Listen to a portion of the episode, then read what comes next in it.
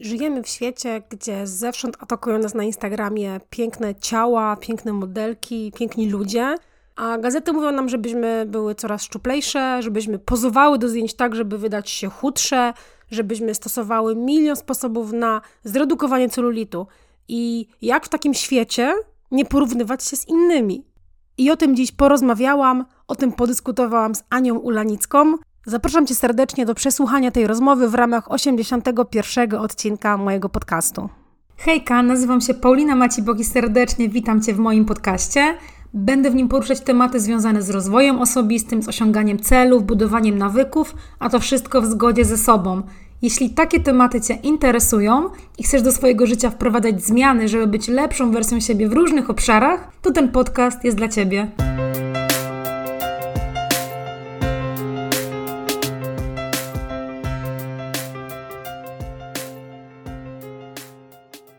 Cześć Ania. Cześć. Bardzo dziękuję, że zgodziłaś się wystąpić w moim podcaście i pogadać ze mną o tym, jak się nie porównywać. Bardzo dziękuję za zaproszenie. Myślę, że będzie to bardzo e, ciekawa również dla mnie i inspirująca rozmowa, bo to jest chyba gorący temat, mam wrażenie, ostatnio. Tak, tak. Ale mam też wrażenie, że to jest temat w ogóle uniwersalny po prostu od początku świata. I jakby takim też bezpośrednim przyczynkiem e, takiej mojej myśli, żeby Cię zaprosić, było przesłuchanie dosłownie o tym samym, e, o tym samym temacie podcastu u ciebie, mianowicie rozmowy mm -hmm. chyba z twoją siostrą, e, z Eweliną mm -hmm. i, mm -hmm. generalnie pomyślałam, że okej, okay, ja w sumie o takim temacie nigdy nie mówiłam u siebie, a to jest kolosalnie ważne i też męczy mnie i założę się, że męczy mnóstwo osób e, i mhm. że fajnie gdzieś tam ruszyć to jajo w pokoju, to śmierdzące jajo, no. które każdy gdzieś tam w głowie ma, ale może nie do końca wie, jak sobie z nim radzić. E, totalnie ja się zgadzam I, i to jest taka rzecz, która mm, czasami jest uświadomiona, czasami nie, ale tak, e, tak jak sobie w ogóle myślałam o tym temacie, to, mm, to ciężko mi trochę odnaleźć e, jakieś takie jasne pozytywy tego. Mhm. Więc myślę, że to bardzo ważne, że o tym rozmawiamy i, i że zwrócimy trochę uwagę na ten temat, bo, bo, bo, myślę, że on po prostu może być bardzo trudny dla bardzo wielu osób. O tak bym to w sumie chyba określiła. Mhm. Zgadzam się w 100% I, i wydaje mi się, że też jakby na wielu poziomach, bo z jednej strony mamy jakieś porównywanie się na poziomie, nie wiem, biznesowym, a z drugiej strony mamy mhm. porównywanie się w obszarze wyglądu, więc kurczę, to jest taki temat, który gdzieś tam może nas boleć z różnych tak. perspektyw. Tak. Tak, tak, tak, dokładnie. I ja właśnie na przykład jak myślę o sobie i, i o temacie właśnie porównywania się, no to, to, to mam wrażenie, że, że przeleciałam przez wszystkie obszary, jakie mhm. były możliwe i porównywałam się dosłownie na, no na, każdym, na każdym obszarze. E, I, I z wiekiem jakby te obszary się trochę zmieniały. Więc, więc tak, to, to nie musi też cały czas dotyczyć e, jednego tematu i zamykać się właśnie do, e, do jednego tematu. Może gdzieś tam ewoluować, rozwijać, gdzieś znikać, gdzieś się pojawiać. Mm, ale myślę, że najbardziej chyba pozytywną rzeczą z tego wszystkiego jest to, że, mm, że można nad tym pracować, można to jakoś ogarnąć i zresztą ja to mówię z własnego doświadczenia. Super, super. Właśnie doświadczenie jest najlepsze. Ja też bardzo lubię opowiadać o, o różnych rzeczach, bazując na tym, jakby jaką drogę ja przeszłam. I chciałabym jakby zacząć od tego, że zaraz na pewno zapytam Cię też o Twoją drogę, bo to na pewno będzie mhm. kolosalnie mhm. dla mnie ważne i też pewnie ciekawe dla słuchaczy. E, natomiast jakby chciałabym zapytać Cię i zadać takie pytanie trochę może, y, takie może trochę bardzo ogólne, natomiast mhm. tak sobie myślę czasem, że jakim cudem w ogóle się nie porównywać w dzisiejszych czasach, bo mam takie, mam takie poczucie, że to porównywanie się było możliwe zawsze, tylko kiedyś było trochę trudniejsze, bo po prostu nie było takiego e, instant dostępu do mediów społecznościowych. Mm -hmm, Generalnie, mm -hmm. wiesz, na jeden klik można było zobaczyć miliony ludzi z całego świata, jacy są successful, jacy są piękni i, i generalnie jak w takim środowisku, w którym no, większość ludzi jednak funkcjonuje, czyli media społecznościowe, się nie porównywać. Tak, e, media społecznościowe na pewno ułatwiają nam to całe porównywanie się i zresztą były gdzieś jakieś zestawienia, ale nie pamiętam jak to dokładnie brzmiało, że my dzisiaj przez jeden dzień dostajemy więcej informacji niż ktoś kiedy, niż ludzie ileś lat temu przez tam nie pamiętam rok czy, czy przez ileś miesięcy. Także faktycznie ten mhm. E, napływ informacji e, tak jakby w ogóle działa źle na nasz system nerwowy. Także to jest po pierwsze, więc mam wrażenie, że trochę e, jakby ta nasza odporność jednak jest słabsza w ogóle w mediach mhm. społecznościowych czy w ogóle w internecie, no bo jesteśmy po prostu codziennie wystawiani na bardzo dużą ilość bodźców. I tak, jakby oczywiście zgadzam się z tym, że, że w mediach społecznych, no będę mówić w sumie o mediach społecznościowych, bo w sumie to jest chyba e, największy mhm. problem. Mhm. E, jakby jesteśmy oczywiście wystawiani na bardzo dużo bodźców, informacji, kreacji i tego wszystkiego jest dużo, ale to od nas zależy, od naszej odporności, od naszych zasobów, co my widzimy i co my słyszymy. Bo jakby jest nadawca jakiegoś komunikatu i jest odbiorca komunikatu. I odbiorcą tego komunikatu, tych pięknych zdjęć, tych wszystkich kreacji na Instagramie, tych fantastycznych wakacji, tych sukcesów jesteśmy my. I warto sobie zadać pytanie, jakby w sensie to, co powoduje w ogóle to porównywanie się, to to, w jaki sposób my traktujemy to, co widzimy. Czy jako właśnie te ładne obrazki i, i taką myśl, że wiesz, że o, jak fajnie, że sobie gdzieś coś tam fajnego robi, czy właśnie jako pretekst do tego, że sobie, żeby sobie dowalić i siebie pocisnąć. Czyli ja oczywiście zgadzam się z tym, że jesteśmy narażeni, ale nie zgadzam się z tym do końca, że, że te media społecznościowe są w 100% winne.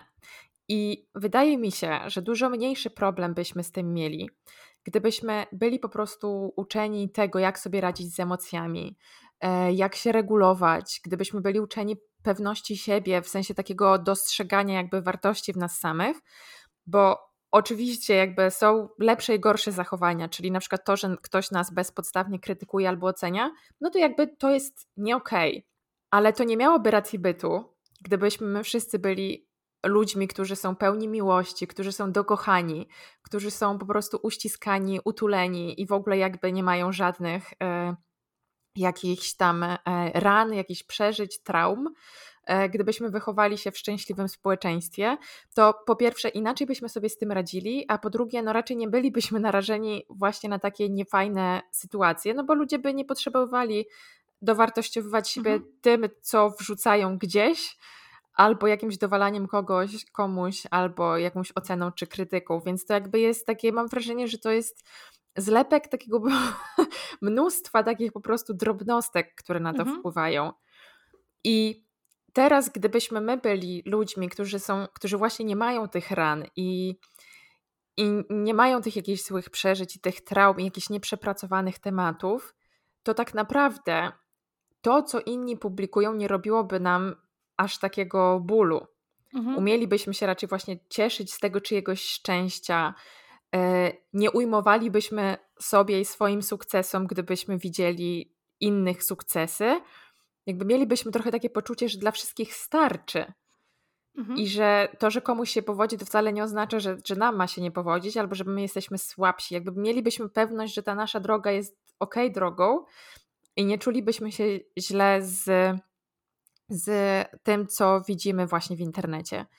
I też druga sprawa to to, że potrafilibyśmy ocenić, że to, co widzimy w internecie, to jest jakaś kreacja, bo niestety to się bierze też z tego, że wiesz, myśl, widzimy tak naprawdę 10 klatek 15-sekundowych e, stories, czyli to jest 150 sekund, i myślimy, że czyjeś życie tak wygląda, gdzie to mhm, ledwo są dwie tak. minuty. Ale już my sobie dorabiamy jakieś po prostu bajki, jakieś historie, i, i nagle się, wiesz, z tych 150 sekund robi historia o czyimś życiu całym. Mhm.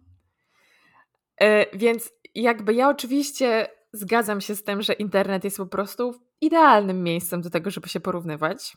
Mhm. Ale nie byłby taki, gdybyśmy my, w sensie jakby też nie szukam teraz winnych, tylko, bo to jest mhm. wiadomo ukształtowane przez pokolenia. Gdybyśmy no my na coś takiego nie pozwalali. W takim no, sensie, jest, że Jestem, jestem że jesteśmy prawda, podatni. Faktycznie.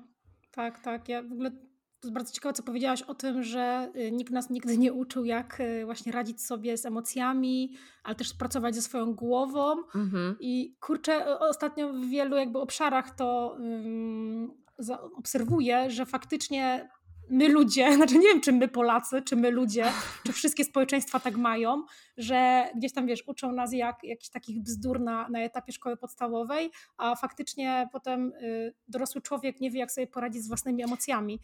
No właśnie. E, tak, nie potrafi i, i, jakby to się właśnie ciągnie od, od szkoły podstawowej, od, od przedszkola, jakby od, od kilku lat, w sensie od, od wieku, kiedy mieliśmy kilka lat, nawet nie kilkanaście, to, to, to od tej pory jakby to się za nami ciągnie, nie, że my nagle w wieku dwudziestu paru lat się zaczęliśmy porównywać czy coś takiego, tylko mhm. faktycznie w tamtym momencie brak, zabrakło takiej edukacji i oczywiście gdzieś tam w systemie szkolnym na przykład, ale też oczywiście nasi rodzice nie mieli takiej wiedzy, e, też mieli jakieś swoje problemy, więc to jakby myślę, że to się dopiero na nas kończy, że gdzieś tam rozumiemy ten temat, jakby on na nas za bardzo nie wpływa, ale to jakby my jesteśmy nauczeni tego, żeby się porównywać. Mhm. No tak, w sumie racja, jakby też podsycani przez media społecznościowe, a wcześniej przez jakieś tam magazyny dla kobiet typu, wiesz, jak mieć lepsze tak. ciało, jak być lepszą w łóżku, jak być lepszą, mądrzejszą, piękniejszą, gładszą, mieć gładszą skórę i mam wrażenie, że po prostu to teraz przyniosło się z magazynów do internetu, więc e, no, tak. no faktycznie, faktycznie, a, ale ciekawe co mówisz właśnie, że to się kończy na nas, bo ja, ja też wyznaję taką zasadę, którą po prostu powtarzam w kółko wszystkim i wszędzie, że, że pierwszy krok do zmian to jest świadomość e, i tak. I właśnie mam wrażenie, że my zaczęliśmy być coraz bardziej świadomi tych wszystkich mechanizmów. I mhm. kurczę, no chciałabym, żeby na przykład za 150 lat, wiesz, jakieś kobiety, które rozmawiały no, w metaversum czy gdzieś, powiedziały, że, że faktycznie, y, wiesz, nie miały takiego problemu jak my teraz, nie? To byłoby piękne.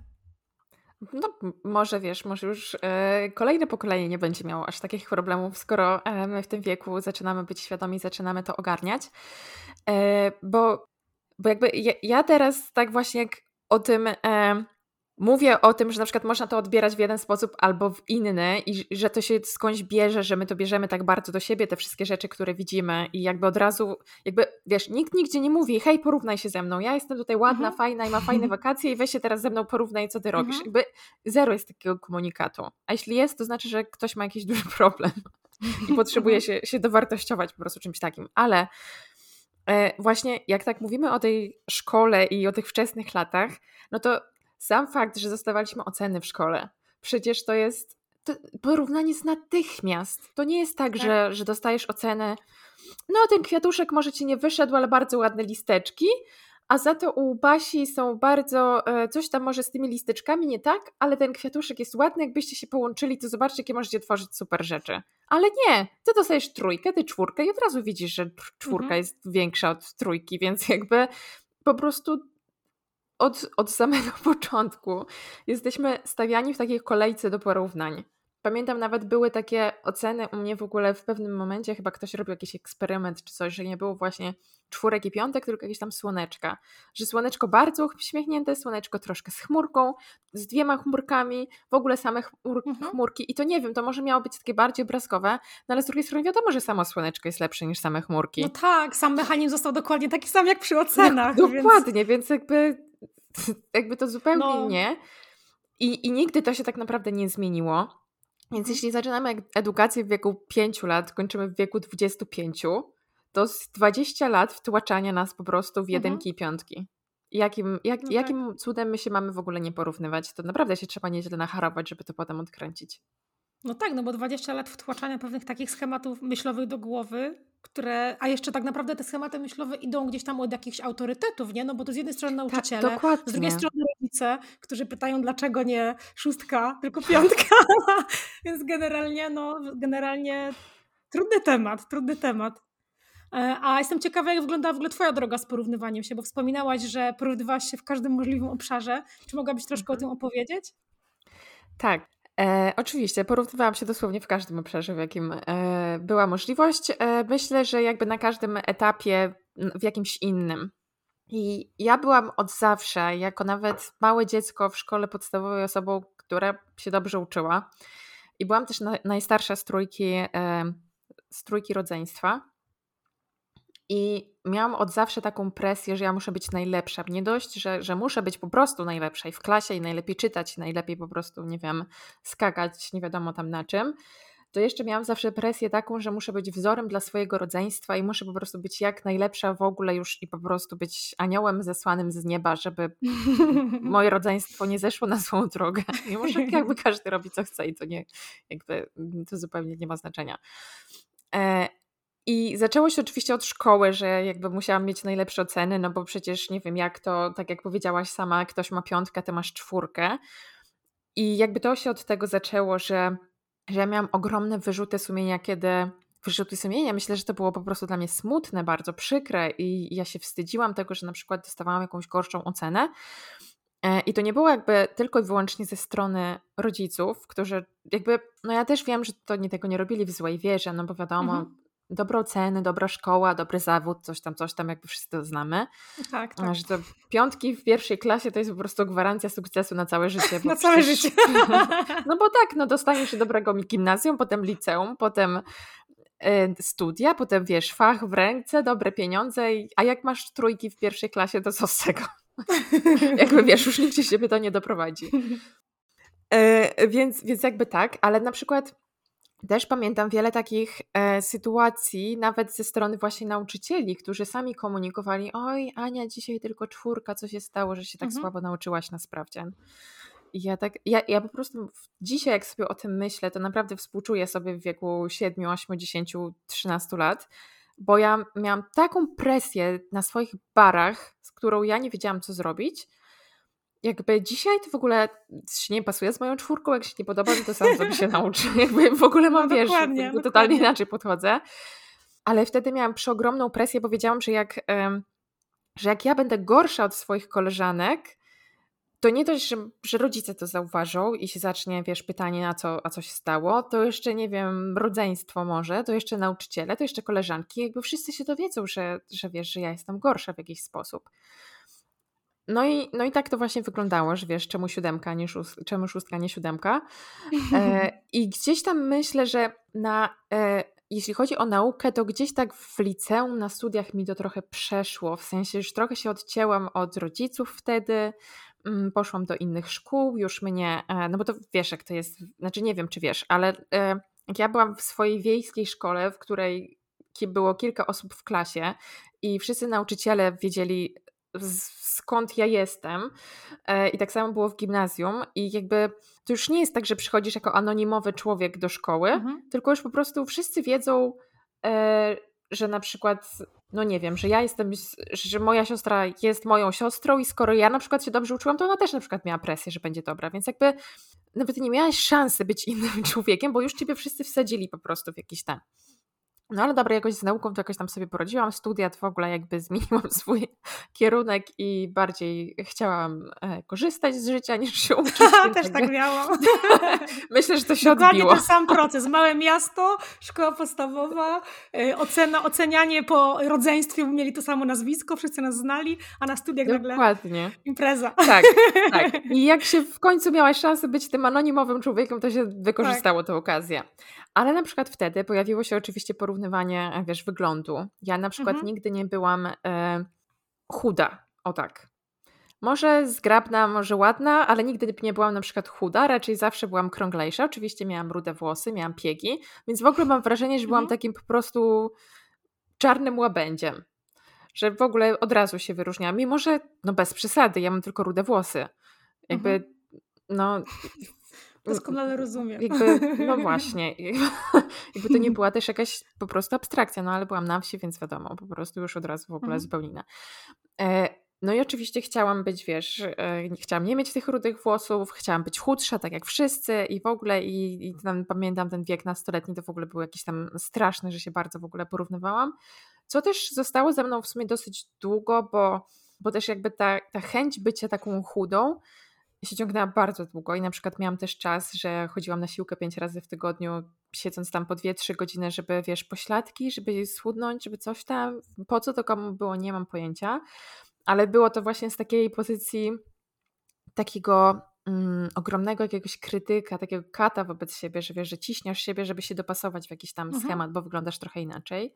I i myślę, że to jakoś tak, mam wrażenie, że ta sprawa wyglądu to jakoś tak mi się przepracowała z dnia na dzień trochę takie mam wrażenie. W sensie gdzieś tam coś ogarnęłam, jakoś, może nie z dnia na dzień, ale jak, jak sobie tak uświadomiłam, że okej, okay, no że w sumie fajnie wyglądam, jakby podoba mi się to, w sensie ja siebie akceptuję, że tak wyglądam, okej, okay, no może nie będę nigdy chuda, ale w sumie po co mi to? To jakoś mi tak, wiesz, przeszło. I jakby mhm. do tej pory jakoś za bardzo z tym nie mam problemu.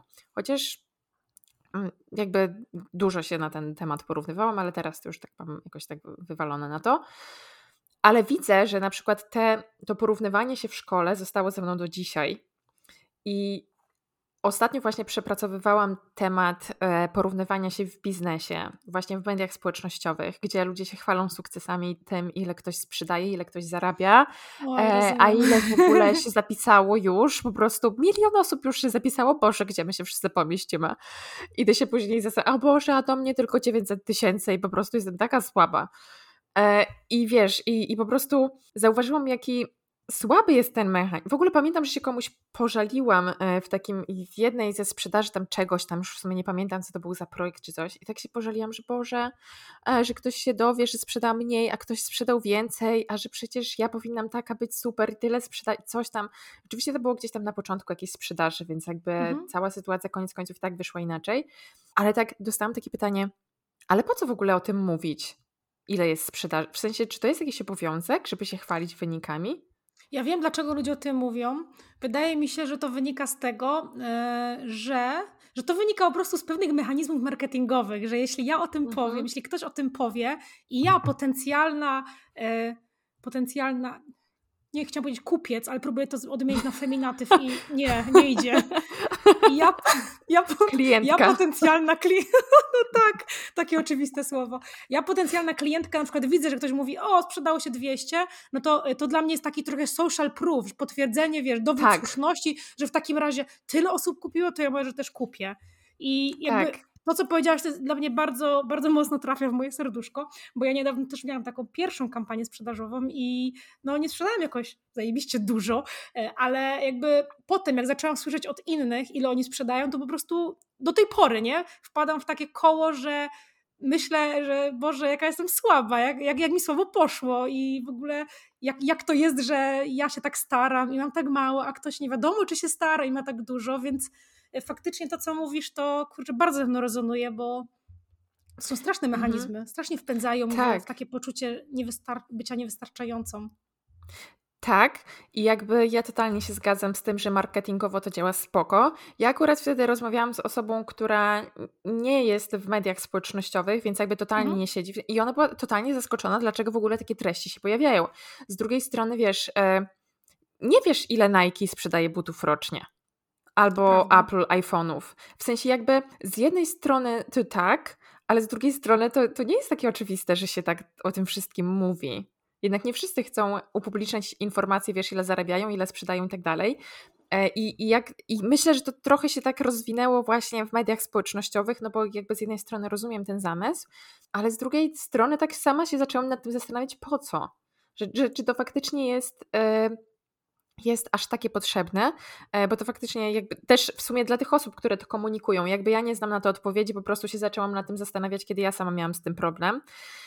I ja w ogóle na przykład jakby dzisiaj zupełnie na to trochę inaczej patrzę i e, myślę, że jest mi łatwiej i jakby widzę, że każdy ma swoje potrzeby, każdy jest w swoim jakimś tam miejscu. E, ja wiem, jaką chcę mieć drogę i tak naprawdę nie wiem, jakie koszty idą na przykład za czyimiś wynikami. Mhm. Ale na przykład jako osoba z bardzo rozwiniętym takim poczuciem sprawczości i takim krytykiem wewnętrznym i z takimi ogromnymi, wysokimi standardami wobec samej siebie, naprawdę ja myślałam po prostu, że wiesz, od razu, że to, że to ja jestem tym powodem, dla którego na przykład, nie wiem, mam jakąś niższą sprzedaż, czy niższe zasięgi, czy niższe coś tam cokolwiek, bo po prostu tych parametrów w ogóle w, mhm. na mediach społecznościowych to jest 1500 i możesz no się tak. porównać pod każdym względem.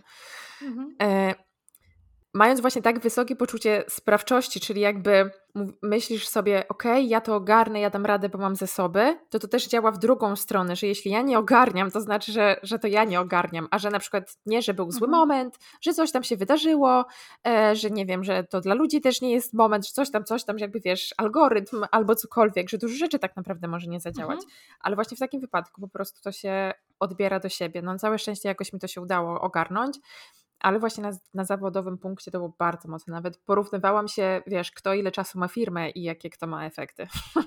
Albo w jakim Kurczę, wieku ktoś no założył firmę. W sensie takie, wiesz, zaczynasz mhm. szukać takich bardzo konkretnych parametrów i je tak. odnosić, bo, bo, bo to jest w sumie najłatwiej.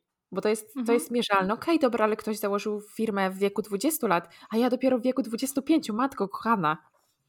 I straszne to jest. W sensie jakby to, wiesz, to nic nie daje zupełnie. Ja wiem, ja, ja w 100% wiem, że to nic nie daje i czasem sama sobie próbuję w głowie mówić Paulina, hej, to nic nie daje, przestań. ale, ale to czasem jest silniejsze, nie? W sensie, tak jak mówisz, że y, tak jak mówiłaś, że to jest taka, taki proces i taka praca i nawet jak w kontekście twojej drogi, że tam kiedyś porównywałaś się w, w obrębie ocen, a później ten był ten wygląd, a, a później był ten biznes, no to gdzieś tam na różnych etapach życia, chyba w różnych obszarach się porównujemy i zastanawiam się, czy y, po prostu można jakby wyplenić sam mechanizm porównywania się w czymkolwiek, czy to po prostu mhm. jest tak już zakorzenione w, naszym, w naszych, nie wiem, nawykach, w naszym, naszych takich schematach myślowych, że po prostu się nie da. Wiesz co? Nie, nie powiem, że się nie da, bo się da. E, tylko czasami nie da się tego zrobić samemu. Ale mhm. e, właśnie tak, jeszcze miałam jedną rzecz dodać e, a propos właśnie tego biznesowego porównywania się. To w momencie, kiedy ja to w ogóle przepracowywałam, I zastanawiałam się nad tym, Boże, że, że ja w ogóle tak to wszystko biorę do siebie, te, te innych wyniki, te swoje wyniki. Ja to po prostu próbuję, wiesz, w jakiegoś Excela wpakować, w sensie oczywiście nie w prawdziwego, ale tak w swoim mhm. umyśle, mhm. że Boże, kto tu jest lepszy.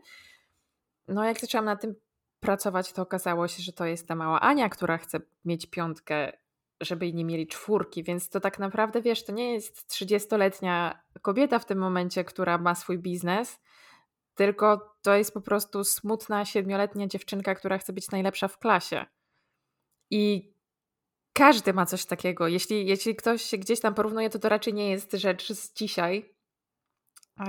Więc nie będę mówiła każdy, ale prawdopodobnie odnajdzie się właśnie przyczynę gdzieś tam, wiesz, z, z wcześniejszych lat. To, to, to, nie jest też właśnie kwestia takich naszych dzisiejszych nawyków, tylko tego, jak my właśnie to odbieramy.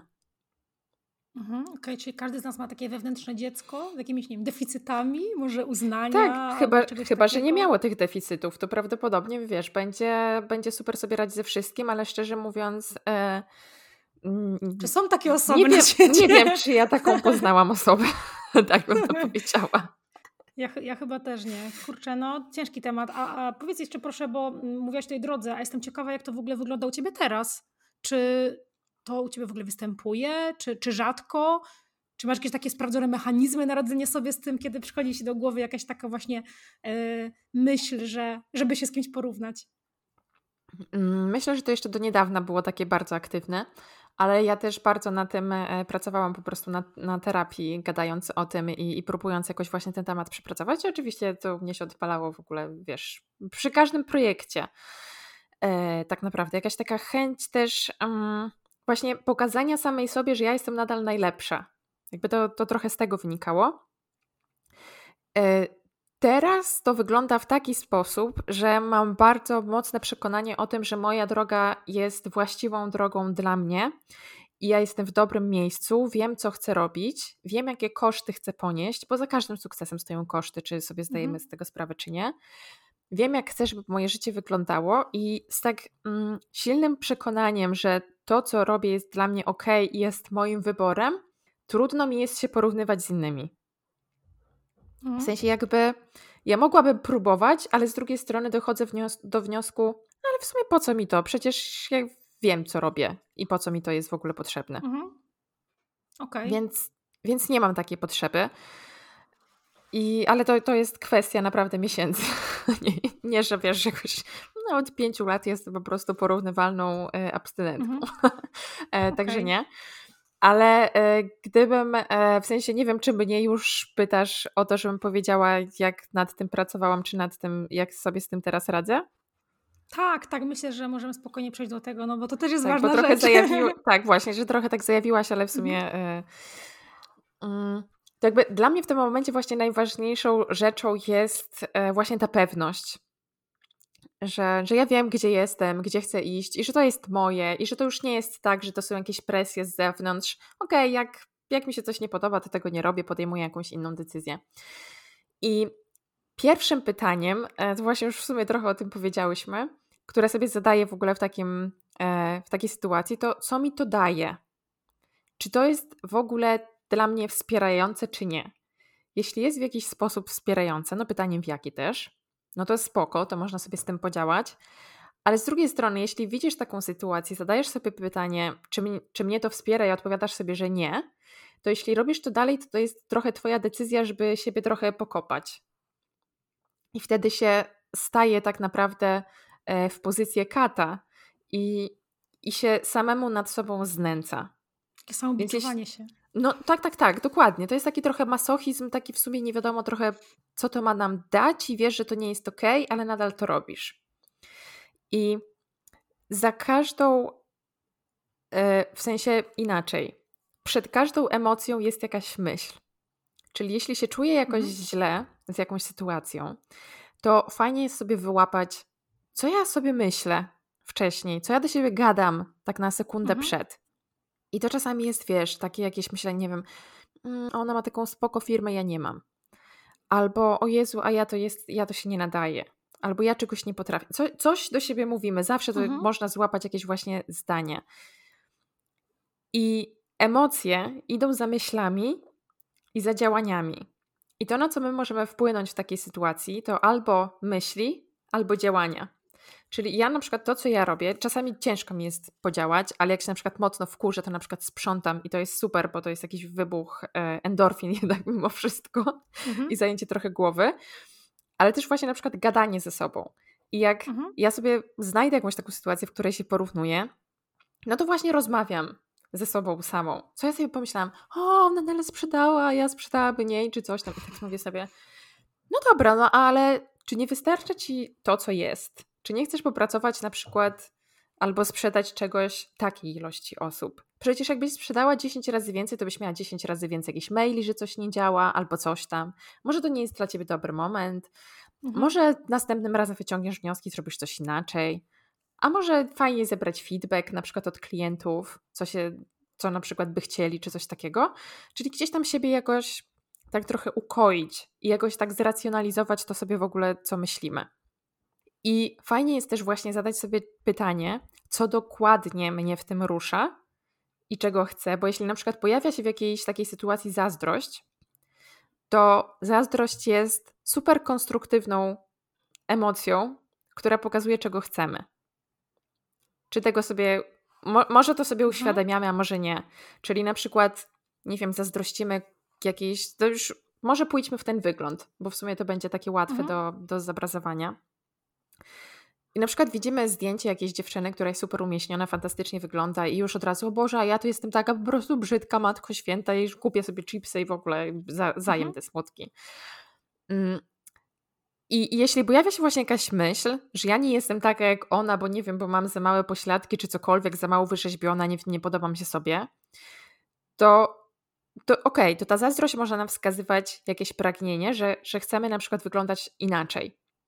I okej, okay, albo możemy to zaakceptować, że tak nie wyglądamy i po prostu nie robić sobie wyrzutów z tego powodu, mhm.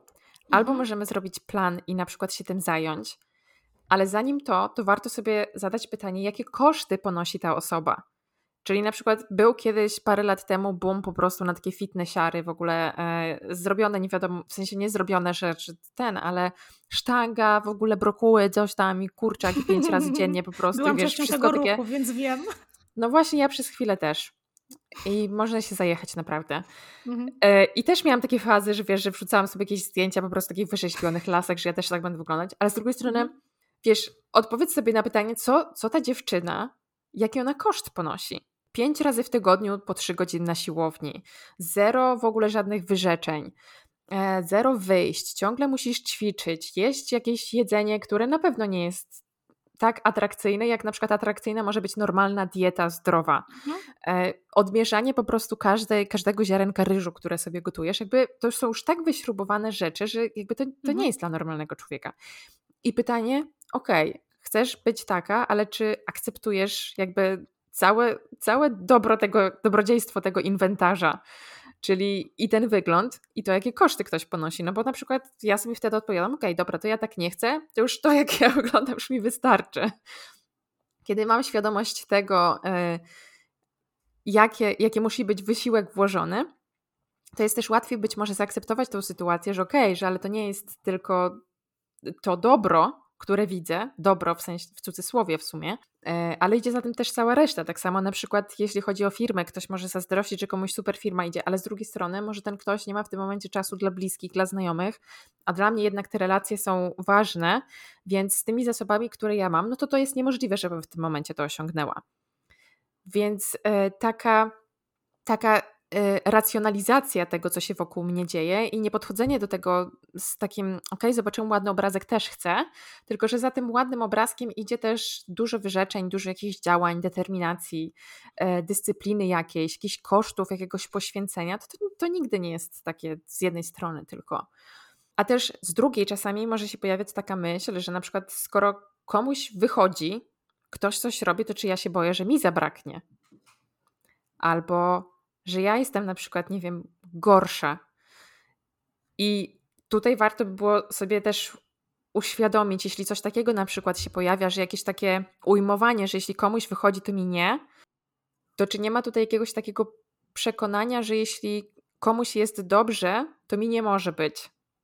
I, i takiego e, jakiegoś takiego właśnie braku mhm. albo takiego odejmowania sobie. Przecież ty możesz być dobra, ja mogę być dobra. To nie jest tak, że jest jedno miejsce na, na dobrą osobę i ktoś musi z nas na nie wskoczyć. Tylko tu jakby... jakaś rywalizacja wchodzi, wchodzi jakby do, do tematu, nie? Jakieś takie, Trochę tak. Taka...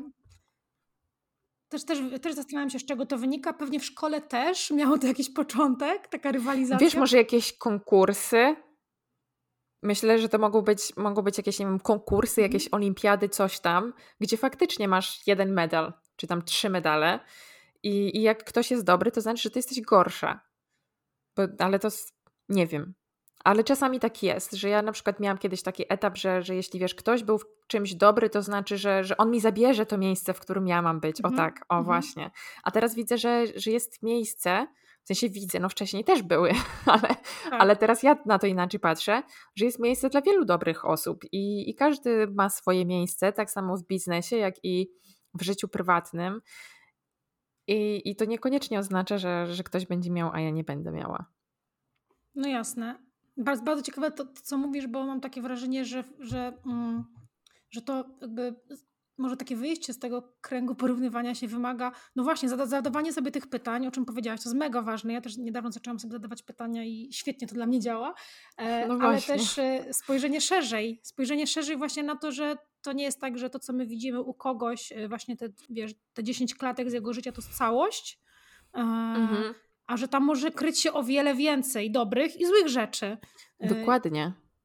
Więc, więc wydaje mi się, że takie spojrzenie szersze jest mega ważne. A, a, mam takie wrażenie, że jakby, nie, oczywiście nie tylko ludzie, bo też ja, że po prostu ludzie jako, jako ludzie, czyli my wszyscy, mamy czasem takie tendencje do, mm, no, do tego, żeby pójść po takiej linii najmniejszego oporu, żeby generalnie przyjąć coś za prawdę E, no, nawet kwestia tego, jak nasz mózg działa, nie? Tam ta, ta część taka, która bardziej się skupia tak. i grzebie w tych rzeczach i analizuje i ta pierwsza taka pierwotna, która uznaje, czy to coś jest zagrożeniem, czy trzeba uciekać, walczyć, czy wiesz, czy tak, e, tak. zastygnąć. Tak. I mam wrażenie, że w tym przypadku też to występuje, że stwierdziłam, a okej, okay, dobra, to jak ona dała radę, to, to w ogóle jestem słaba. I w ogóle nie, nie wchodzimy w temat głębiej, nie zastanawiamy się nad tym, e, co tam może się kryć. Mhm. Tak, dokładnie. E, nasz mózg jest bardzo leniwy wbrew pozorom. Mhm. I, I jak może coś zrobić łatwiej, to zrobi to łatwiej. E, więc trzeba niestety się trochę wysilić. Ale w ogóle e, na przykład taką e, idealnie obrazującą to sytuacją jest na przykład to, jak e, dziewczyny się czasami frustrują, które rozwijają swoje marki, że e, mają na przykład dzieci i, I, pojawia się frustracja, że Boże, a ktoś tam po prostu rozwija tą firmę tak szybko. No ale ten ktoś, kto rozwija tą firmę, sobie mieszka po prostu sam, nie ma psa, nie ma e, rodziny, nie ma niczego i sobie może, wiesz, 24 godziny klikać. E, I jakby to jest decyzja, więc jakby no, no, no świadomość zasobów po prostu. Też co my możemy tak, w tym tak. momencie zrobić, jaką mamy energię, jaki mamy nastrój do tego, czy ktoś nam może pomóc, czy mamy pieniądze, czy mamy czas. Jakby to się składa na to tyle czynników, że takie proste porównanie kogoś do kogoś to jest, tak, to jest taka droga na skróty, że po prostu już nie ma większego skrótu. Naprawdę. Mhm. No, faktycznie. Faktycznie. No właśnie, ale właśnie tak jak mówię, że my lubimy chodzić na skróty, więc to jest też jakby tak. konieczność tej świadomości, że y, w obszarze właśnie własnych uczuć i przekonań, no bo uczucia, uczucia i myśli też się biorą z pewnych przekonań, które mamy w głowie. Dokładnie. To, mhm że, że, że, to nie może być ta droga na skróty, że to trzeba trochę nad tym posiedzieć, pokminić i że to nie jest takie, że wiesz, pstrykniesz dosłownie i, i generalnie wszystko się zmienia, no bo ja mam takie wrażenie też bazując na swoim przykładzie, ale też na gdzieś tam osób wokół mnie, że taka praca z własnymi przekonaniami, z własną głową, to to nie mówię, że jest syzyfowa praca, chociaż jest to trudne, e, ale to jest taka praca, która się może nie, że nigdy nie kończy, ale ona może potrwać bardzo, bardzo długo, bo to nie jest tak, taki wiesz, linearny proces, że my zawsze idziemy w górę, nie? Tylko tu się cofniemy, mhm. tutaj coś nam, tutaj mamy jakiś progres, tutaj myślimy, że już jest spoko, a zaraz na przykład, nie wiem, wydarzy się coś, co sprawi, że my się tragicznie czujemy i znowu zaczynamy się tak bardzo mocno porównywać. Więc y, to jest taka droga pełna wzlotów i upadków, mam, mam wrażenie. Tak, i e, to, co powiedziałaś, że, e, że jakby to, to nie będzie trwało zawsze, w sensie ta, ta praca, to zależy, jakie przekonania ci będą pasowały. Bo jakby my przekonania mamy całe życie.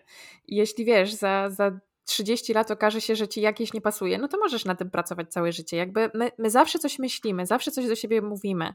To nie mhm. jest tak, że, że jakby jesteśmy czyści po prostu jak kartka papieru i w ogóle wiesz, nie, nie skażeni. E, przekonania są zarówno takie, że, że myśli, myślę, nie wiem, że wszyscy są po prostu źli i chcą dla mnie źle, żebym ja po prostu, nie wiem, padła e, i poległa na tym, co robię, a przekonaniem jest również to, że wszyscy są dla mnie dobrzy, chcą dla mnie dobrze i chcą dla mnie jak najlepiej, więc, więc tak, praca nad przekonaniami, żeby te niewspierające zmienić w wspierające jest długa. I to czasami, czasami może wyglądać tak, że wiesz, pracujesz i gadasz do siebie i gadasz, gadasz, gadasz miesiącami czy latami, aż w końcu jakiegoś dnia to po prostu ci kliknie i, i nagle okazuje się, że jakoś tak się udało te przekonania przepracować. I u mnie na przykład właśnie no, z, na przykład z tematem pracy właśnie tak było, że ja się bardzo długo męczyłam i długo nad tym pracowałam, aż w końcu pewnego dnia jakoś tak dotarło. Czyli trzeba być po e, prostu cierpliwym. Tak, tak, ale to jest jakby, możemy sobie tak naprawdę zmienić na każde przekonanie, jakie chcemy. Tylko pytanie, no, które jest dla nas dobre, no bo coś powtarzanego przez bardzo długi czas, no w pewnym momencie stanie się naszym przekonaniem. Mhm. Więc e, też warto sobie za zadawać pytanie, jakie są te moje przekonania i te właśnie myśli, które do siebie gadamy, to są przekonania. To nie jest mhm. obiektywna prawda, tylko to jest jakieś właśnie przekonanie, przekonanie, które zostało nam wtłoczone, czy przez bliskich, czy przez środowisko, czy przez szkołę, czy, czy nie wiem, przez jakieś teksty w, telewizji, których słuchaliśmy nie wiadomo ile czasu.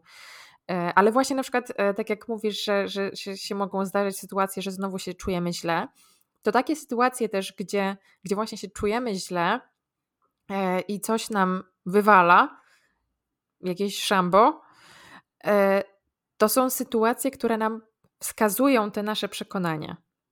Żeby to mhm. też nie brzmiało tak, że wiesz, że porównywanie się jest strasznie złe i, i po prostu musimy to wypędzić. To są po prostu sytuacje, które nam pokazują, że jakieś przekonanie na temat nas samych i na temat na przykład pracy innych jest dla nas krzywdzące i niewspierające i fajnie się na tym po prostu zatrzymać, bo to jest dla nas feedback yy, no, i mamy okazję dzięki temu coś tam przepracować i zmienić tak, żeby było nam lepiej.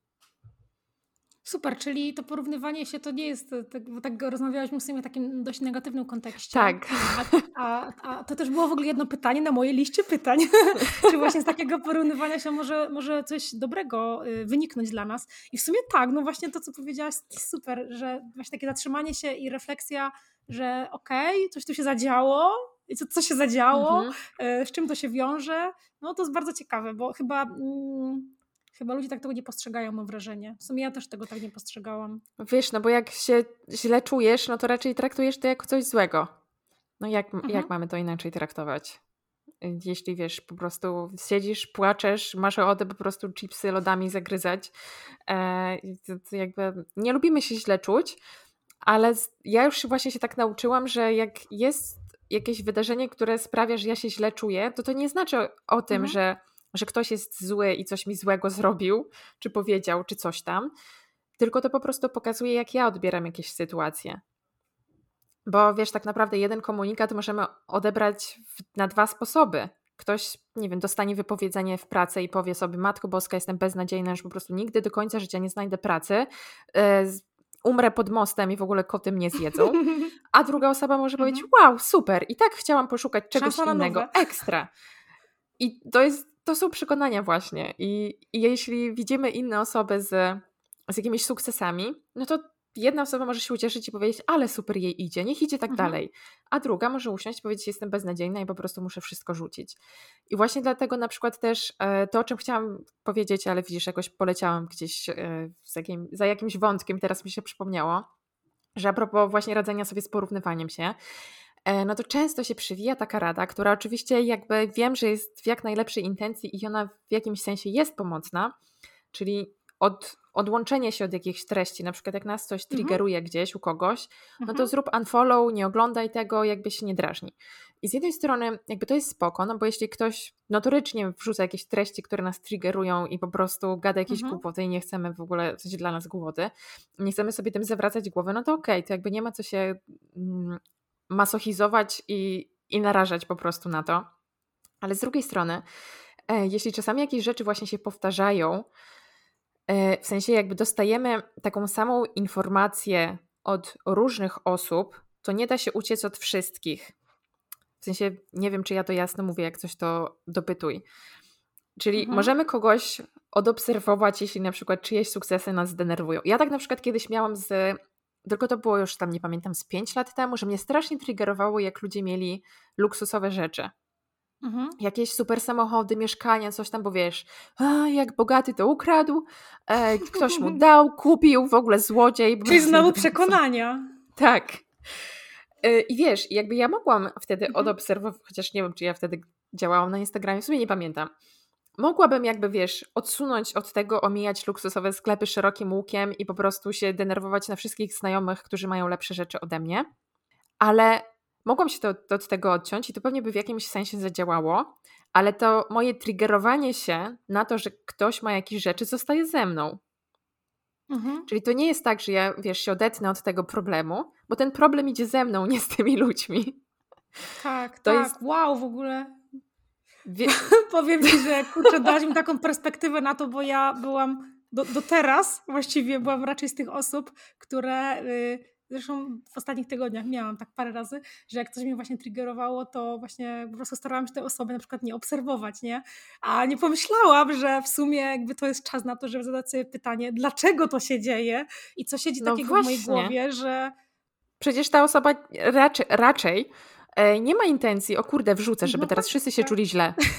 no oczywiście, to jest, na to pewno jest nie. nas. Wiesz, to jest, to my to odbieramy. Jakby to, co ktoś mówi, to jest to, co ktoś mówi, to, co my widzimy, słyszymy, to jest to, co my słyszymy. Przefiltrowane przez nasze sitko z przekonań.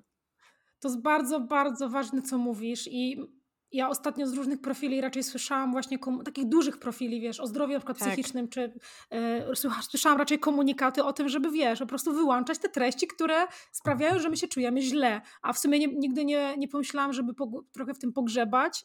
A to, co mówisz, to jest, kurczę, to jest mega ważne, bo to właśnie nie, jakby nie rozwiązuje poniekąd problemu, tylko tak wiesz, maskuje.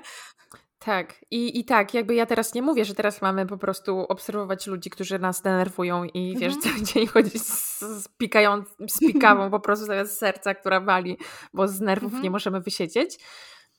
Ale tak, no można się odłączyć od tych treści, ale też się zastanowić, co mnie tak triggeruje. No bo ja na przykład mhm. ja dzisiaj zupełnie nie mam problemu z tym, że ludzie mają e, luksusowe rzeczy i jakby samej mi to odpowiada i to jest dla mnie na przykład sygnał, okej, okay, skoro ona może, to ja też mogę. Czemu nie? Mhm. Jakby to nie jest tylko dla wybranych i w ogóle, a kiedyś na przykład właśnie tak myślałam, że Matko Boska po prostu, on na pewno jakieś znajomości, nie wiadomo co i po prostu w spadku wszyscy dostali, wiesz, Porsche. No tak. I to jest, to się wydarzyło na przestrzeni kilku lat, ale to na przykład w moim przypadku idealnie obrazuje to, że to, że ja właśnie ten, e, ten temat przepracowałam. Więc tak, oczywiście, no jak nas coś strasznie triggeruje w tym momencie na przykład, bo to czasami może być wasz moment, moment jakiś, mhm. że jesteśmy no nieodporni w jakimś obszarze tak. po prostu i potrzebujemy czasu, żeby to przepracować. E, a możemy, nie wiem, wrócić może później, jak to nagle nam mhm. będzie pasowało, no ale takie totalne, wiesz, zamiatanie wszystkiego pod dywan, no to, to, to też nie jest To też nie jest rozwiązanie opcja. na długą metę, co nie? Bo, bo no y, właśnie. jak wspominałaś wcześniej o tym szambie, w jakimś kontekście, nie pamiętam teraz w jakim, ale y, to jest tak samo jest chyba z zamiataniem takich problemów, to tak, generalnie jak tak, tak, zamiatamy, tak, tak, upychamy tak. w tym szambie, to po latach po prostu szambo wybucha i, i jakby i tak my zostajemy z jeszcze większym problemem, nie? No bo gdzieś tam go y, mhm. tłumiliśmy, że tak powiem, w sobie przez lata, a po latach się okazuje, że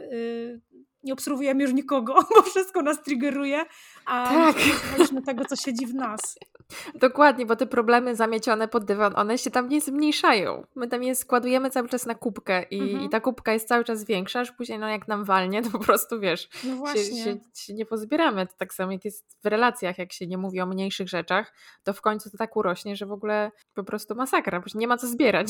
Jak w tym wideo memie, że e, nie wiem, czy kojarzysz tego wideo mema, że... Mm tam kolej opowiada, że y, miał do żony powiedzieć y, przy kolacji podaj mi masło kochanie i powiedział, że, y, że on się pomylił i powiedział coś tam zmarnowałaś mi 20 lat życia. Dokładnie. Bez żadnych Dokładnie. wulgaryzmów, ale tam jeszcze było sporo, więc no to tak. ten case. A jeszcze mi się przypomniało, bo jak powiedziałaś o tym, że to co, się, to, co nam się przytrafia, to jest jedno, ale jak my to postrzegamy, to jest drugie, to ja ostatnio właśnie czytałam taką fajną książkę Marii Forleo, nie wiem, czy, czy kojarzysz, mhm. Wszystko tak, tak, da się tak. ogarnąć.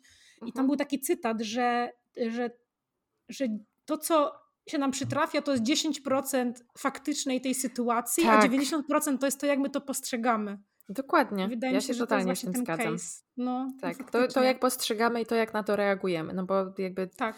reakcja wynika z tego, jak, jak mhm. coś widzimy. No, ciekawe, mega ciekawe. W ogóle wow.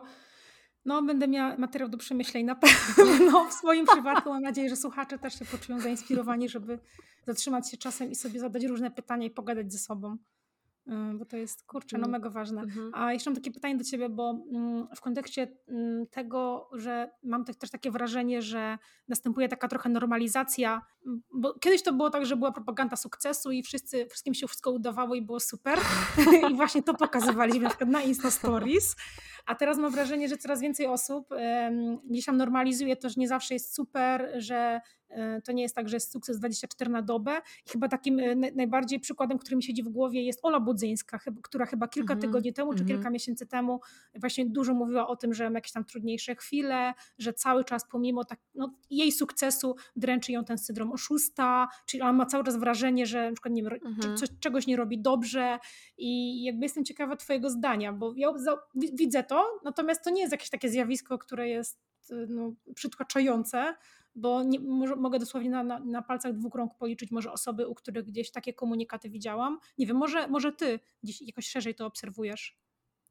Yy, tak, ja widzę to, że coraz więcej yy, mamy takiej w sumie odwagi o tym mówić i myślę, że to jest super, bo, yy, no bo tak jak już powiedziałyśmy zresztą na początku, dużo naszych problemów wynika z tego, że po prostu nie mieliśmy jakiejś edukacji, nie mieliśmy jakiegoś wsparcia, nie wiedzieliśmy jak sobie z tym poradzić, no bo wiesz, każdy myślał, że mm, wszyscy są super, tylko ja nie, więc więc muszę sobie z tym poradzić, a najlepiej to ukryć, żeby nikt nie widział, że ja jestem jakaś wybrakowana.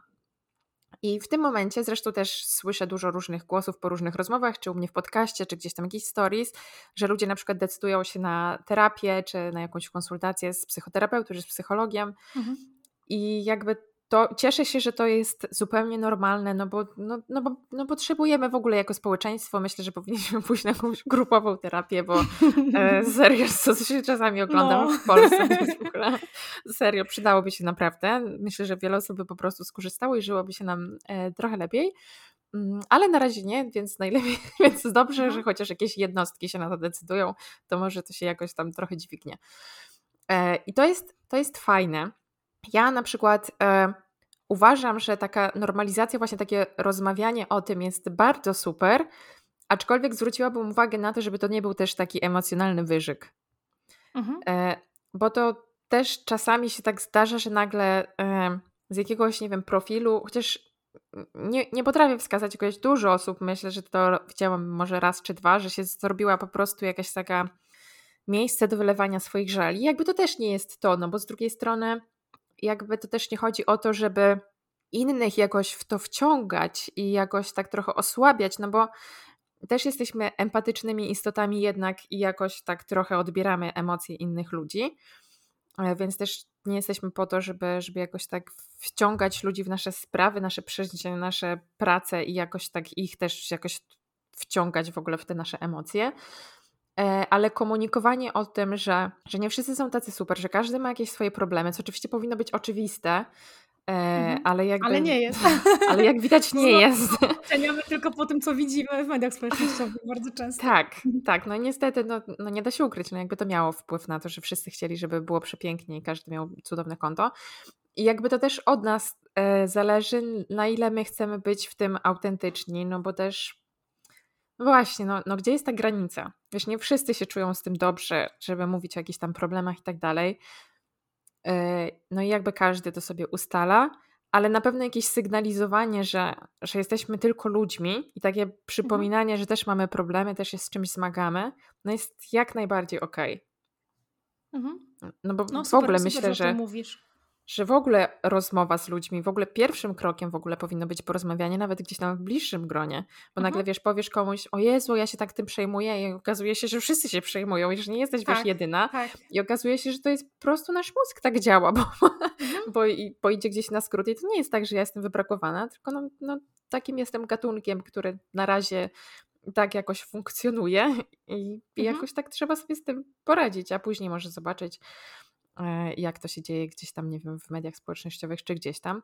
No bo też zresztą widzę, że, jak ja gdzieś tam o czymś zasygnalizuję, to jest dużo takich głosów trochę Wiesz, wdzięczności. Ja tak, mhm. tak, że ja też tak mam, że super, że o tym mówisz, że jednak fajnie wiedzieć, że tak się nie dzieje. No tak wiesz, no coś wychodzi, coś nie wychodzi. Tutaj raz masz energię, raz nie masz, raz prześpisz cały dzień. No i tak się jakoś tak mhm. popycha to wszystko do przodu powoli. Okej, okay, super. Fajnie, fajnie, że o tym mówisz, bo wydaje mi się, że. Znaczy, wydaje mi się, że taka tra transparentność jest dobra, ale faktycznie y, pójście zaś w drugie ekstremum, wiesz, jednym ekstremum jest opychanie wszystkiego przez mhm. dy pod dywan przez lata, a drugim ekstremum jest właśnie, tak jak powiedziałaś, takie wyżygiwanie się i takie wylewanie żali na ludzi. Y, to jakby, ale to w sumie żadne ekstremum nigdy nie jest dobre, mam takie wrażenie, tak, że zawsze gdzieś tak. tam ten złoty środek warto zachować i wtedy jakoś tak jest przyjemniej, spokojniej.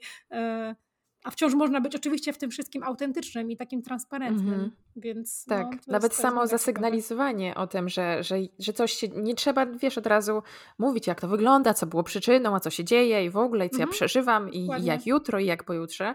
Tylko w ogóle nawet sam sygnał, że okej, okay, że słuchajcie, coś jest nie tak mm -hmm. w tym momencie, coś tam pracuje, nie wiem, jakoś ostatnio się gorzej czuję.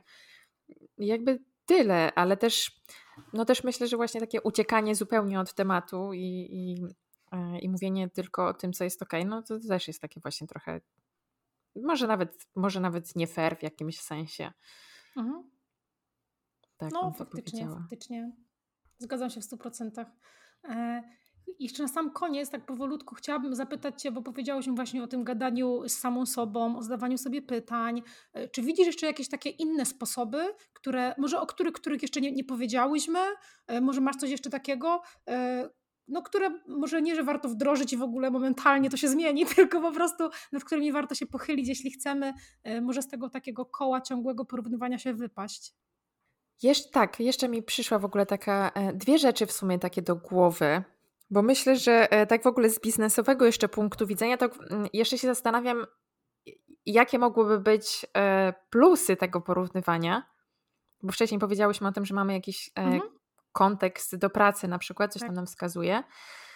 E, myślę, że z porównywania się można też zrobić coś pozytywnego, na przykład w grupie Mastermind albo w jakimś takim gronie, które jest życzliwe i z mhm. którym faktycznie w jakimś stopniu się możemy porównać, ale które będzie to robiło z dobrą intencją, już właśnie takie, jako coś takiego wspierającego.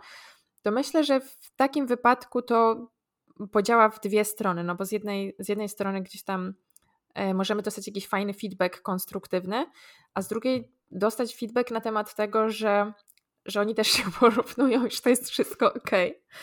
Mhm. E, I jeszcze a propos tego, co w ogóle można zrobić w takiej sytuacji, kiedy się czujemy gorzej, to ja w ogóle że uważam, że cudownym um, sposobem na wiele problemów jest dystans. Żeby to zostawić, żeby sobie dać odpocząć, żeby nawet na siłę wyłączyć się w ogóle z, no to od obserwowania na przykład kogoś może być spoko, no bo przez jakiś, przez chwilę, czy tam wyciszenie nawet relacji, postów, na przykład na Instagramie, no jest taka opcja, mhm. może być e, spoko opcją na przykład na kilka dni, żeby nabrać dystansu, żeby sobie to przepracować. Bo jak w nas rosną jakieś takie negatywne emocje, no to to jest jakby nikomu niepotrzebne jak już coś tam odkryliśmy, to warto nad tym przepracować. Nie zawsze się da od razu, no bo mhm. jak się nas wszystko gotuje, no to ciężko myśleć racjonalnie. Jakaś mgła nam mózg zasłania i po prostu jest mhm. koniec. Nie, nie da się nic mądrego wymyślić. Zostawić telefon, czy tam lapka, cokolwiek wywołuje jakieś takie porównanie, odciąć od tego tematu, zrobić coś na siłę. Tak jak mi w ogóle kiedyś moja e, psychoterapeutka mówiła, e, jak miałam jakiś tam problem właśnie, chyba to chyba było w tamtym momencie, że ja się, siedziałam po prostu na tych stories, po prostu analizowałam wszystko i byłam w tragicznej mhm. formie i ona mówi, Pani Aniu, jak Pani wróci do samochodu, to proszę zamknąć telefon w bagażniku, zamknąć samochód, pojechać na górę i pójść na spacer. Po prostu. To, jak, to świetny sposób. Jak się nie da, to w ogóle nie wiem. Schować telefon gdziekolwiek, oddać, oddać komuś. No naprawdę, no czasami takie, wiesz, żeby, żeby po prostu otrzeźwieć trochę. Mm. Bo mhm. my po prostu ćpamy w ogóle te nie, nie wiadomo co. Jakby nie damy sobie ochłonąć w ogóle z tego wszystkiego.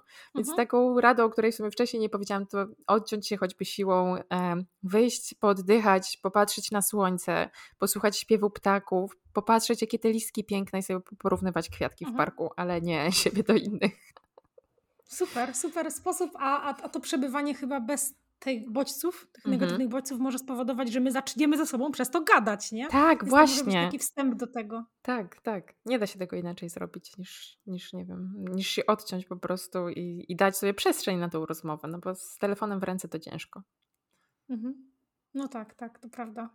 No super, to taka samoświadomość, tak, y, mhm. moje ulubione słowo zresztą 2021 roku, samoświadomość, więc, mm, więc chyba warto, warto to eksplorować troszkę bardziej.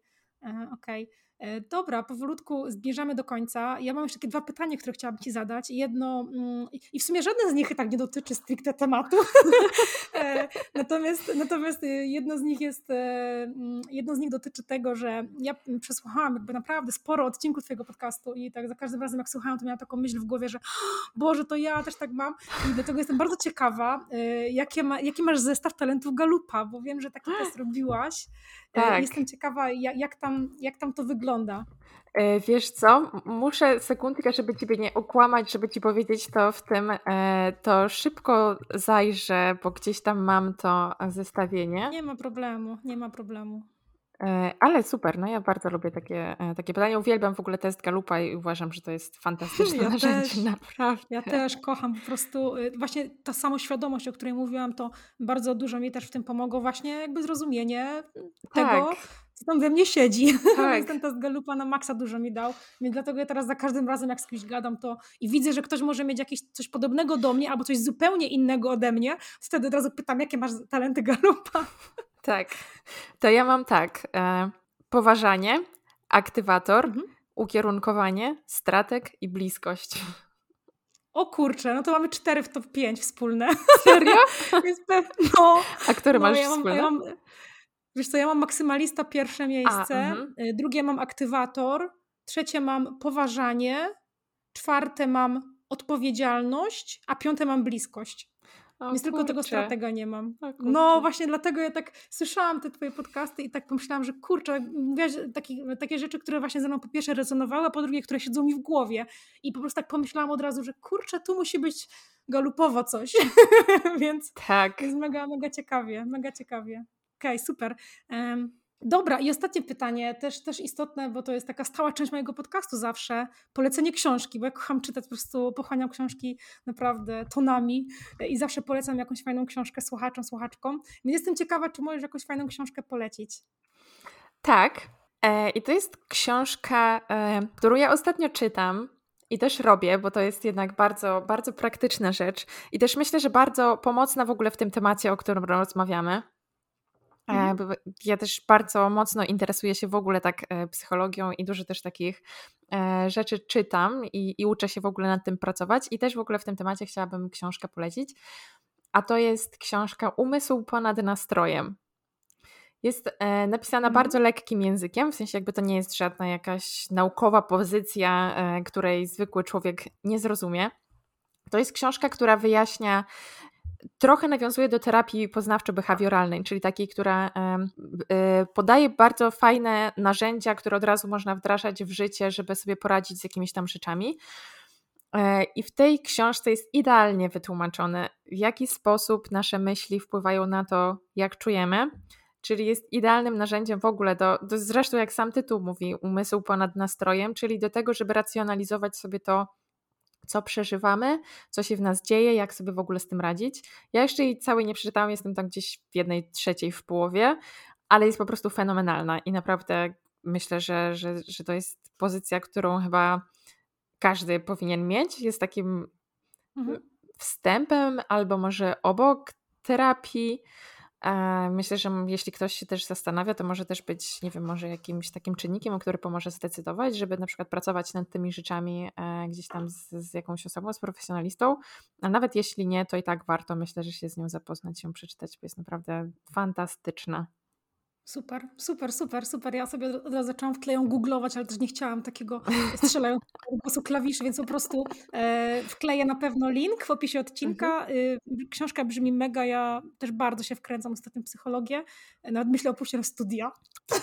no, to jest więc, tak, nie no. dziwię się. No, więc na pewno sobie ją wrzucę na listę, bo o niej jeszcze nie słyszałam, także brzmi Tak, ciekawie, to też, też nie jest, e, wiesz, jakaś książka taka, mm, w sensie, bo dużo też jest e, takich popularnych książek, które mm, nie do końca są jakimiś poradnikami, nie do końca są takie naukowe, mhm. w sensie to są raczej jakieś tam opowiastki, coś tam, coś tam, a to jest e, napisane przez właśnie terapeutów, e, taki, nie wiem czy podręcznik, pozycja może, e, więc naprawdę jest takim bardzo, bardzo konkretem. Myślę, że jedna z lepszych e, książek, które w tym temacie w ogóle czytałam. No to super, super. Ja lubię, jak y, książki są pisane właśnie przez ekspertów, a nie przez mhm. takich y, autorów. tak. Bo generalnie często tak jest, zwłaszcza te amerykańs- amerykańskiego tak. rynku. E, książki tak, tak mają czasem. Ostatnio właśnie czytałam taką książkę, chyba nazywa się Otoczeni przez psychopatów i to jest książka tam, że każdy z nas jest kolorem. Tam był czerwony, żółty, zielony, chyba niebieski. widziałam ją. Mhm. No i, i właśnie byłam bardzo taka zafascynowana tą książką, ją kupiłam i w ogóle i, i zaczęłam czytać i się okazało w ogóle, że w tej książce nie ma ani grama w ogóle żadnych badań, e, no ani właśnie. grama żadnych takich nawiązania do źródeł naukowych, nie tylko takie, a wydaje mi się, że ktoś jest czerwonym i strasznie w ogóle przeszłam ciężko przez tą książkę i się zniechęciłam, więc e, jak tylko widzę, że ktoś e, po pierwsze opiera właśnie swoją książkę na wielu źródłach naukowych albo w ogóle jest naukowcem, naukowczynią i jakimś ekspertem w swojej dziedzinie, mhm. no to to jest w ogóle dla mnie super sprawa. Także na pewno spojrzę sobie na tą książkę. Tak, to jest e, książka polecana też psych przez psychoterapeutów i do nich też również kierowana mhm. jako wsparcie na przykład w terapii, zresztą co jest w wstępie opisane. Także no ja też nie lubię polecać rzeczy, które są jakieś takie mm, wątpliwe raczej. Więc... No to super, super, bardzo mam fajnie. Mam nadzieję, że się spodoba. Wrzucę, wrzucę w opis odcinka. E, dobrze, jeszcze na sam koniec, Ania, powiedz, gdzie cię można znaleźć, bo y, wiem, że nagrywasz też podcast, a jak ktoś mnie słucha, to jakby zaręczam, że podcast Ani też się spodoba, więc jakby mogę opowiedzieć, e, gdzie cię można znaleźć, żeby sobie słuchacze, słuchaczki mogli przeklikać, przejść. E, to myślę, że najlepiej będzie zajrzeć na moją stronę internetową aniaulanicka.pl. To jest też blog, tam są wszystkie odnośniki do wszystkich moich miejsc w internecie i tak dalej. E, na Instagramie Ania Ulanicka, a podcast nazywa się Na Wczoraj. Także zapraszam bardzo serdecznie. Super. Wrzucę jeszcze dla pewności też w opis odcinka, także bardzo dziękuję, że wpadłeś, że mogłyśmy porozmawiać. E, mam nadzieję, że, że podcast się spodoba i że będą fajne wnioski w głowach słuchaczy, także dzięki bardzo. Bardzo dziękuję za zaproszenie. E, z przyjemnością rozmawiałam na ten gorący temat. Super, dzięki bardzo.